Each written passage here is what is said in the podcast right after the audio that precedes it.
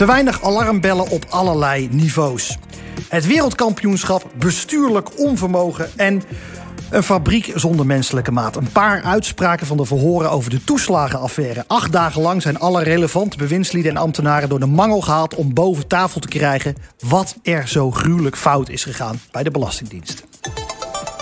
Vandaag zijn de verhoren in de Tweede Kamer over de affaire met de kinderopvangtoeslag van start gegaan. Veel ouders met kinderen werden onterecht als fraudeur aangemerkt en moesten duizenden euro's terugbetalen. De Tweede Kamer probeert erachter te komen hoe dat heeft kunnen gebeuren. De komende twee weken zullen verschillende politieke kopstukken hier in Den Haag worden verhoord. Zo waarlijk helpen mij God almachtig. Voorzitter, ik heb geen vraag. Ja, waar ik, waar ik nu toch een beetje voor schaam. De voorzitter van de ondervragingscommissie kwam met de conclusie dat hij vandaag heeft zitten kijken naar het wereldkampioenschap van bestuurlijk onvermogen. En te vragen, ja, wat heeft u eraan gedaan? En dan is natuurlijk het antwoord, ja, te weinig. Ja, zo meteen praten wij nog even na met CDA Tweede Kamerlid Pieter Omtzigt. Maar eerst gaan we luisteren naar de man, ja, de rots in de branding. De afgelopen vier dagen zit hij al naast me, Peter K. Ja, Peter, we hebben het veel over Forum voor Democratie gehad. Maar dit was natuurlijk ook echt wat er speelde in Den Haag. En terecht, neem ons nog even mee naar het begin van deze toeslagenaffaire verhoren. Nou ja, het begon op uh, 16 november. En gisteren werd het beëindigd met het laatste verhoor. Uh, Mark Rutte, die, die uh, was de laatste die aan de beurt kwam.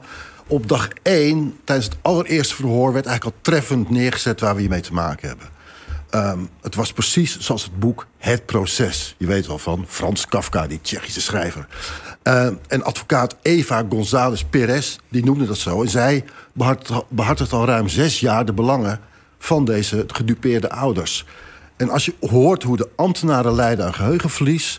dan begrijp je misschien wat Perez bedoelt. Daar heb ik geen enkel beeld van. Ik heb echt geen idee. Uh, dat is natuurlijk voor, wat nou, we proberen te en doen. Wat bedoelt u met deze zaak? We hebben het over de kinderopvangtoeslag. Ja, ja, zeker, ja. zeker. Die speelde voor mijn tijd. Kunt u dat verklaren? Nee. Kunt u aangeven waar dat voor nodig was? Nee. Weet ik niet precies, maar... Het, uh... het is uh, zeven jaar geleden. Uh, weet u nog hoe de staatssecretaris, staatssecretaris reageerde op dit voorstel? Hier aan de notitie staat ja. Ja, het spijt me. Het speelde voor mijn tijd. Ja. Ik heb daar geen andere herinnering aan.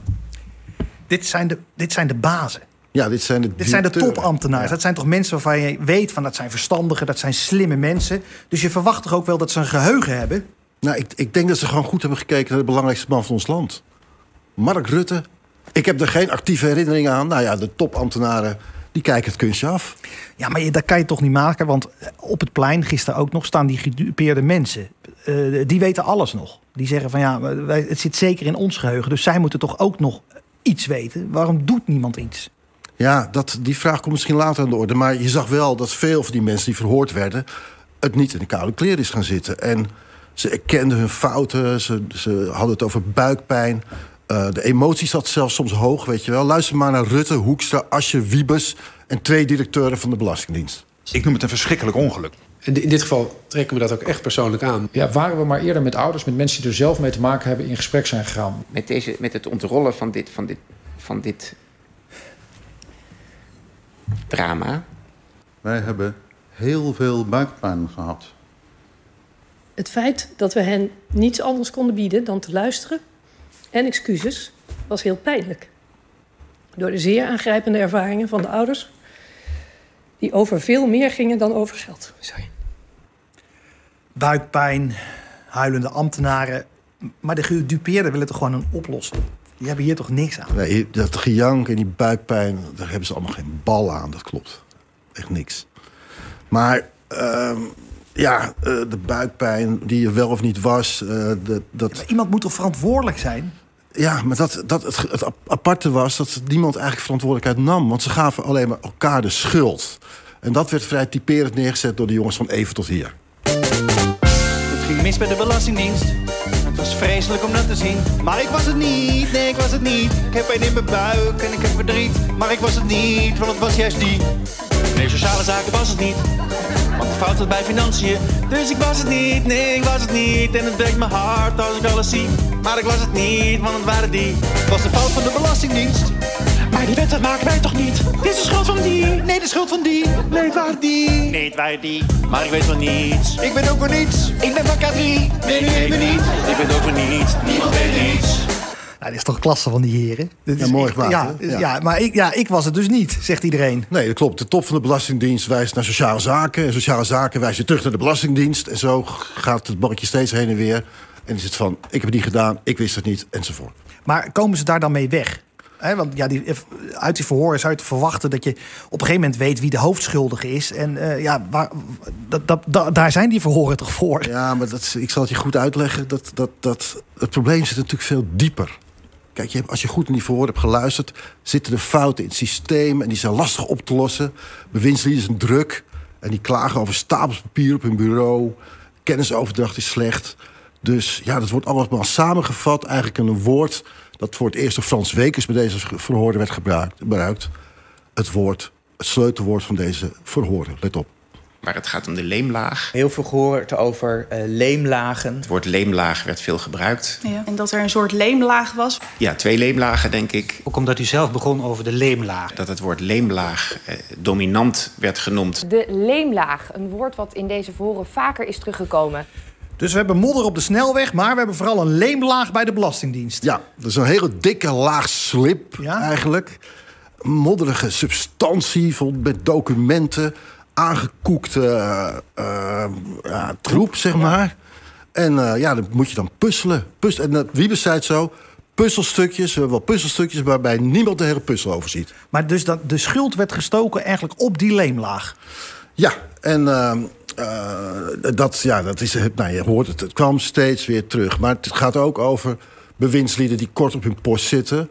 Uh, die, die slecht overdragen aan hun opvolgers... Uh, maar ook de Kamerleden zitten tegenwoordig best wel kort in de Kamer.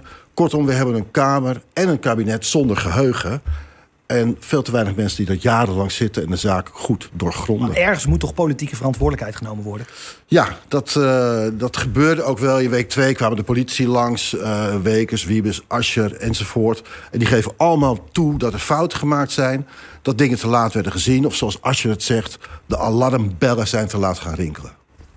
Um, maar dat het een zwaar viel, uh, dat zag je vooral bij, bij Wiebes... die al verdrietig werd tijdens het verhoor... en toen hij wegliep geëmotioneerd afsloot. Ik wil u heel erg hartelijk danken voor uh, uw aanwezigheid, voor het uh, verhoor. En ik wil de bode vragen om uh, u uit Ja. de zaal te leiden. Wat een verdrietige boel. Verschrikkelijk. Wat een verdrietige boel, verschrikkelijk. Pieter Omtzigt, u bent Kamerlid die onafgebroken uw tanden in dit dossier heeft gezeten. Hoe kijkt u er dan naar als Wiebes zo wegloopt? Wilt u dan uw televisie door het raam gooien? Daarvoor was het bij mij al misgegaan. Um, Wiebes um, had in uh, 2017 op mijn eerste setje Kamervraag hierover gezegd... dat hem niet was gebleken dat er ook maar enige ouder schade had geleden door deze affaire. En toen was intern, dat bleek later alles al bekend... man al bevolen iets anders te doen. Toen uh, had uh, de Raad van State al gezegd... Belastingdienst, u moet veranderen. En in Kamervragen werd nog steeds gezegd... Uh, ja, er is nog niet gebleken dat er iets verschrikkelijks is gebeurd met die ouders. Er heeft niemand schade geleden. En toen zei Wiebes in één keer van... ja, dat is verschrikkelijk, die antwoorden. Ja, maar hoezo verschrikkelijk? Ja, uh, u was aan het vertellen over dat u uh, Wiebes al veel eerder op de hoogte had gesteld. Nou, de eerste Kamervraag in 2017 aan staatssecretaris Wiebes... Ja, daarop had hij uh, geantwoord aan mij van... zijn er ouders die uh, schade ondervonden hebben? Had hij gezegd, daar is ons helemaal niets van gebleken. Maar in 2017 lag er al een uitspraak van de Nationale Ombudsman... dat dat een probleem was, van de Raad van State. En hij gaf gewoon zijn antwoorden door... alsof hij niet verantwoordelijk was... En hij liet het gewoon aan de ambtenaren over die dit allemaal gedaan hadden... om uh, te zeggen dat er niks aan de hand was.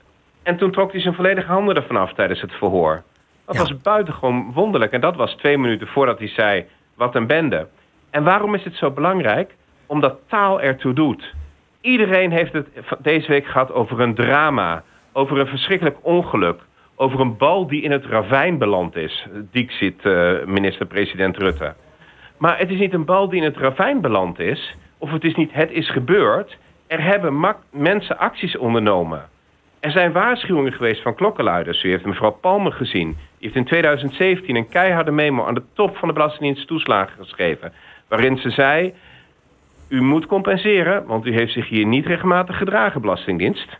En die, en die memo die raakt dan zoek, in plaats van dat er wat mee gedaan wordt. En dan krijg je al dat taalgebruik alsof, alsof het een natuurramp is die er gebeurd is. Maar het is geen natuurramp. En eh, nou, ik ben dus heel benieuwd wat de commissie hierover gaat oordelen en hierover gaat vertellen. Want hier ehm, wordt eigenlijk 17 alles december. afgeschoven op, op, op de leemlaag, zeg maar. Er was een soort van leemlaag en daar verdween alles in... of er kwam niks a- a- anders uit. Maar u ziet het heel anders. Er is gewoon bewust niet geluisterd. Er is bewust niet gehandeld. Ja, en de stukken die er waren, die zijn pas boven tafel gekomen... nadat we er heel veel om gevraagd hadden. Die zijn bij de WOP weggehouden, die zijn weggehouden bij de commissie Donner. Die moest adviseren. Die werden zelfs weggehouden bij de POC. En pas toen ik in een voetnoot zag, er is nog een ander document... toen bleek er een enorme waarschuwing gelegen te hebben. Dus de belangrijke zaken, die waren er wel... maar nu had iedereen een keer over een leemlaag. En ehm, wat ook heel bijzonder was, is de opmerkingen van minister-president Rutte.